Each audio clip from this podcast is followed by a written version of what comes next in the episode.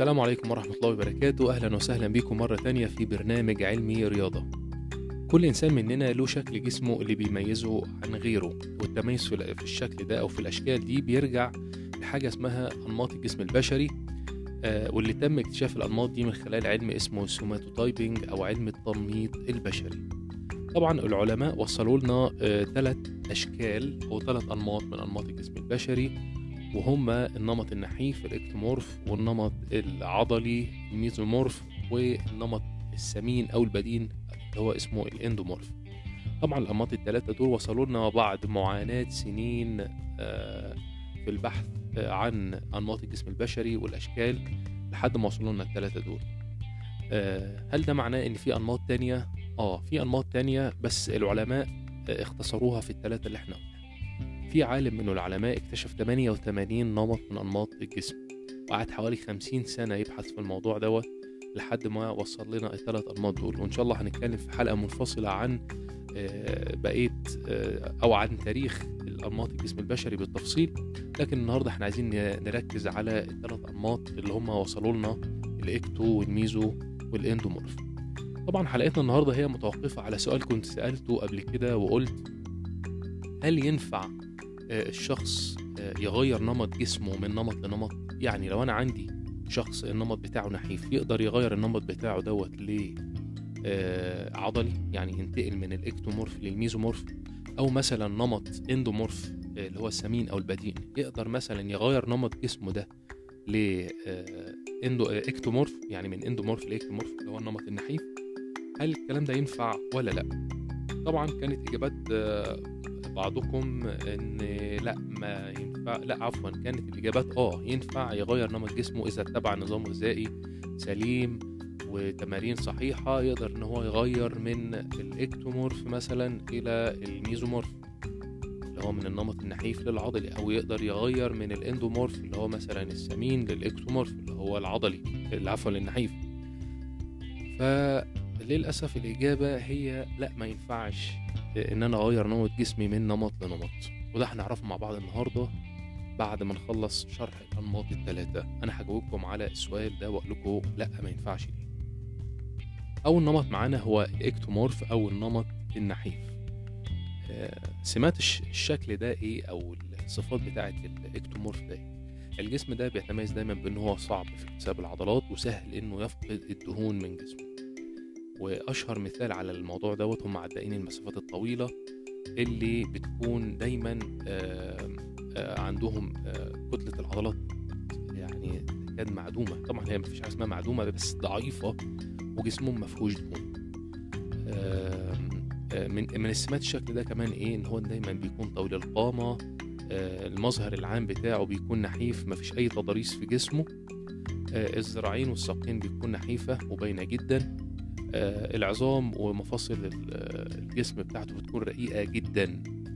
كمان الأكتاف بتاعته بتكون ضيقة آه، والخصر بتاعه بيكون ضيق.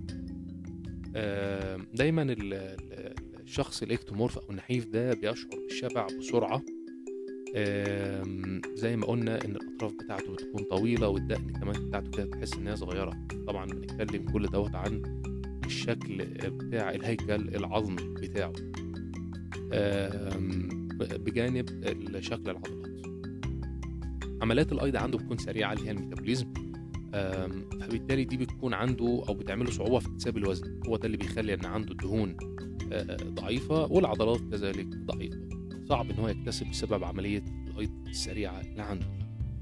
آه، دايما زي ما قلنا بيحس بالشبع مع أقل وجبة صغيرة معدته بتتملى بسرعة آه، فبالتالي بيحس بالشبع. طيب. التغذية المناسبة بقى لجسم الإكتومورفي يا سيدي.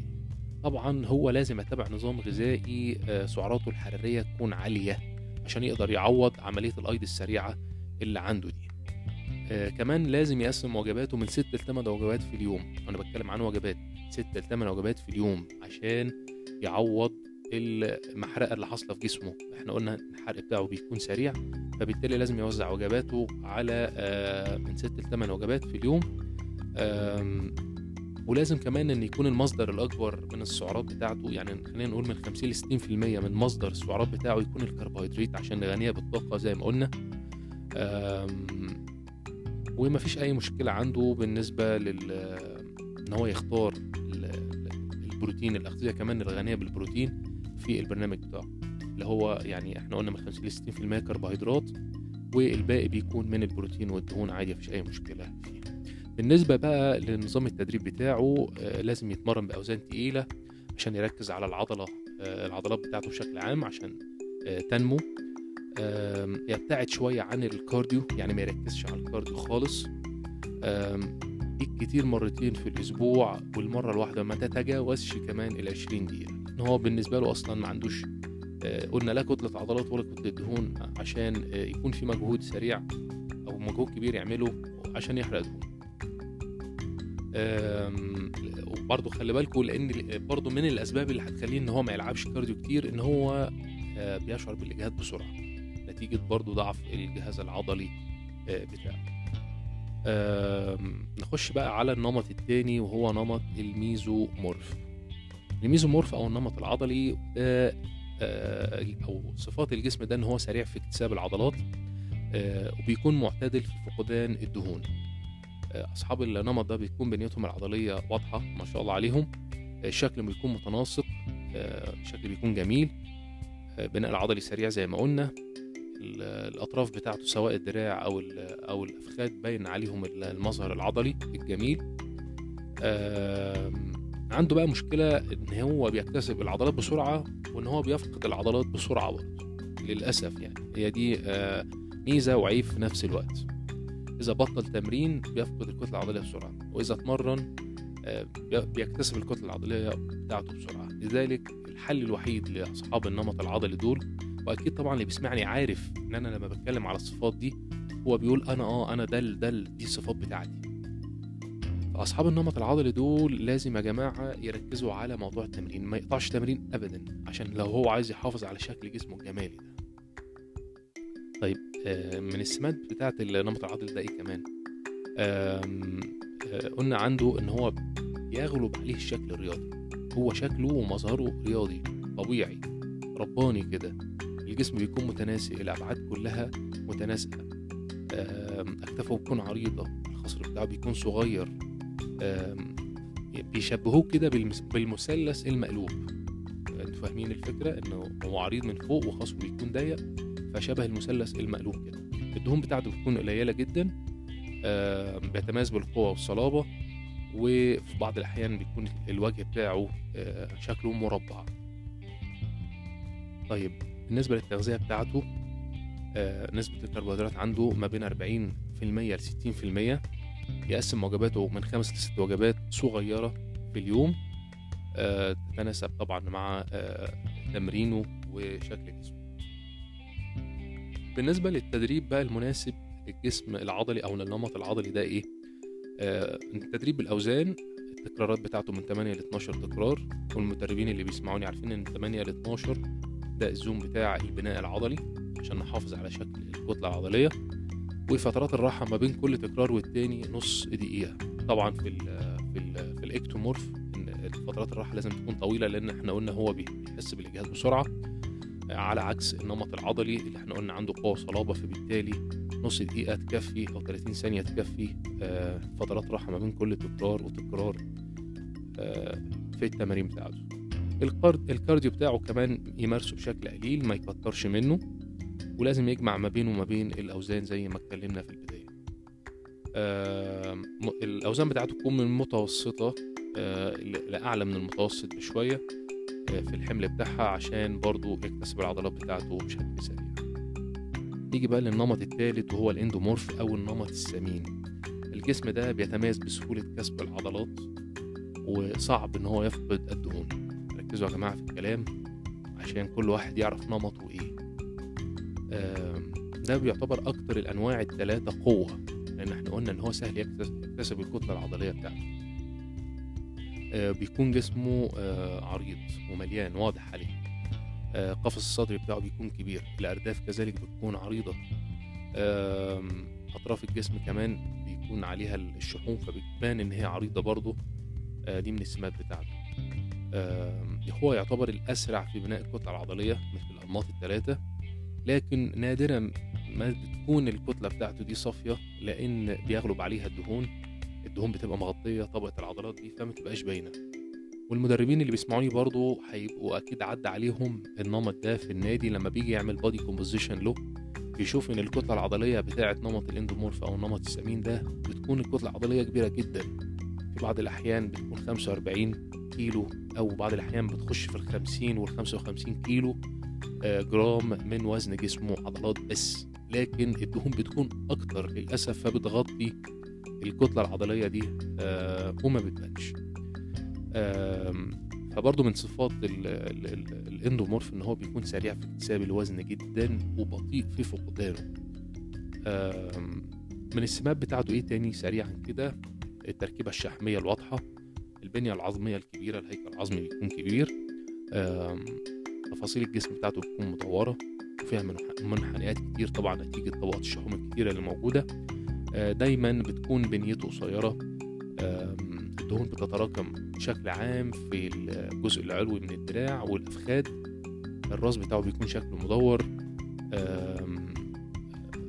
بيكون بيغلب عليه الشكل الكمثري شبه الكمثرى كده اللي هو تلاقيها من فوق آه، من عند الصدر كده مثلا آه، شوية مفيش آه، شحوم. لكن منطقة البطن مع الأرداف بتكون مليانة مع الأفخاذ طبعا مليانة شحوم. آه،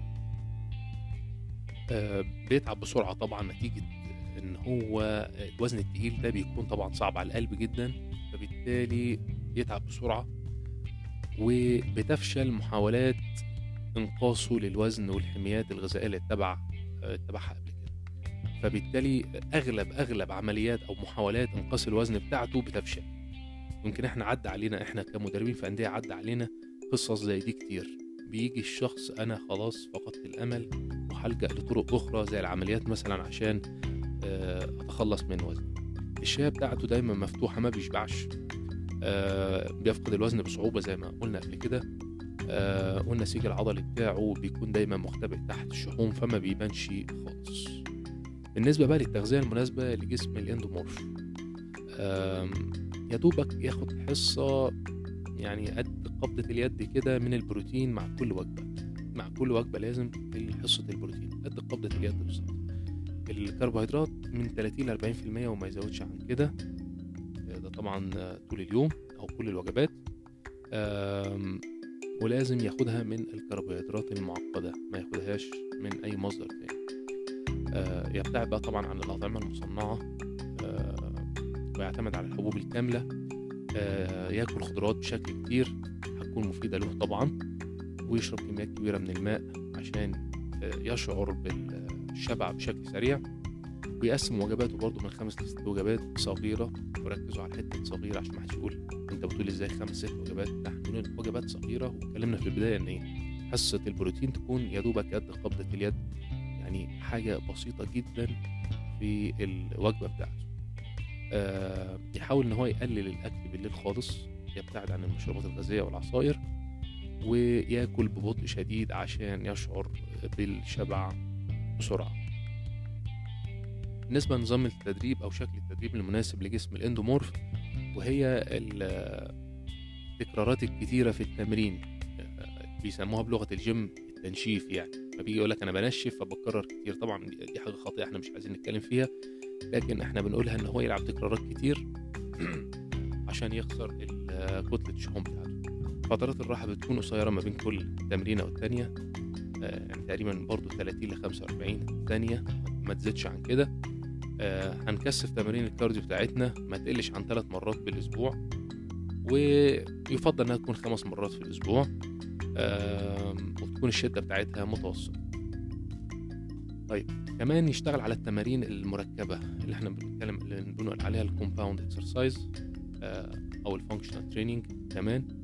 يعني إن هو يحرك أكتر من عضلة في نفس الوقت. مثلا يعني عندنا مثلا نظام التدريب الدائري ده جميل له. آه لو اشتغل عليه فترات طويلة ثلاث مرات أو أربع مرات في, الأسبوع ده هيعمل معاه فرق كبير جدا. نحاول نحن نغير جدول التمارين بتاعه كل أسبوعين ثلاثة آه عشان آه نغير أو نرفع شدة التمرين عشان نرفع معدلات الأيض بتاعته. وبالتالي يخسر الدهون بشكل أسرع. آم، الأوزان بتاعته قلنا تكون متوسطة ما- نرفعش أوزان تقيلة قوي ولا نخلي الأوزان خفيفة خالص. يحاول إن هو ينام فترات طويلة من من 6 ل 7 ساعات. آه، عشان موضوع النوم الكافي ده برضه هيساعده جدا في عملية الاستشفاء وعملية رفع معدلات الحرق. ويحاول إن هو ما يقعدش بقى في البيت كتير. يعني حتى لو هو مثلا ما عندوش يوم فيه تمرين يحاول إن هو ينزل يتمشى أو آه، يروح ممشى يتمشى فيه آه، ينزل آه، كأنه بيعمل shopping أي حاجة. المهم إن هو ما يقعدش يتحرك باستمرار. كده إحنا خلصنا الأنماط الثلاثه اللي هما ال ectomorph النمط النحيف وال mesomorph النمط العضلي وال endomorph النمط السمين. وتقريبا اتعرفنا على صفات وسمات كل نمط من الأنماط الثلاثه وهرجع أعيد السؤال تاني. هل أقدر إن أنا أغير نمط جسمي من عضلي مثلا لنحيف؟ يعني من mesomorph ل ectomorph هرجع لكم تاني الإجابة لأ لأن كل آه، شكل من أشكال الجسم الثلاثه مختلف تماما. يعني التركيب العظمي مختلف. طيب هتيجي تقول لي طيب أمال إيه اللي بيحصل مثلا للناس البدينة اللي بتنحف؟ طب مش هو كده غير نمط جسمه؟ هو نمط الجسم ثابت. نمط الجسم ثابت. لكن هو اتحرك بشكل جسمه ركز على حتة شكل جسمه اتحرك بشكل جسمه من النمط النحيف إلى النمط العضلي. يعني اتحرك هو بقى حاجة ما بين الاتنين. ما بين مثلا النمط البدين اللي هو واخد السمات بتاعة الهيكل العظمي الكبير الصدر الكبير الخصر ال- ال- العريض الأكتاف العريضة الوش ال- المدور. وهو محتفظ بالكلام ده كله لكنه اتحرك شوية ناحية النمط العضلي. فما ينفعش أقول عليه إن هو غير من endomorph ل mesomorph. لا هو مازال endomorph لأنه بيكتسب الصفات والسمات الخاصة بال endomorph. هتظل عنده معدلات الحرق زي ما هي لو ساب نفسه بدون تمرين وساب نفسه بدون تغذية سليمة هترجع زي ما هي تاني. ليه؟ لأن هو النمط ده السمات بتاعته. فهمتوا الفكرة؟ كذلك مثلا النحيف النمط النحيف إحنا قلنا هو طويل القامة أطرافه طويلة آه، عظامه رقيقة. هل هو النهارده لو اكتسب كتلة عضلية بقى mesomorph؟ لأ لأن برضه هتغلب عليه السمات والصفات بتاعة ال ectomorph اللي هي السمات أو الصفات بتاعة النحافة وصعوبه اكتساب العضلات وصعوبة اكتساب الدهون والأشياء دي كلها. أتمنى إن شاء الله تكون ال- الحلقة عجبتكم وبعتذر إن أنا آه، يعني اتأخرت عليكم في الرد. كان أسبوعي مشغول جدا وحتى النهارده أنا سجلت لكم الحلقة وأنا في قمة التعب والله لكن حبيت إن الناس تستفاد آه، من الحلقة ويا رب تكون عجبتكم إن شاء الله. ونشوفكم على خير في آه، بودكاست جديد وفي أسئلة جديدة وفي فيديوهات جديدة. مع السلامة.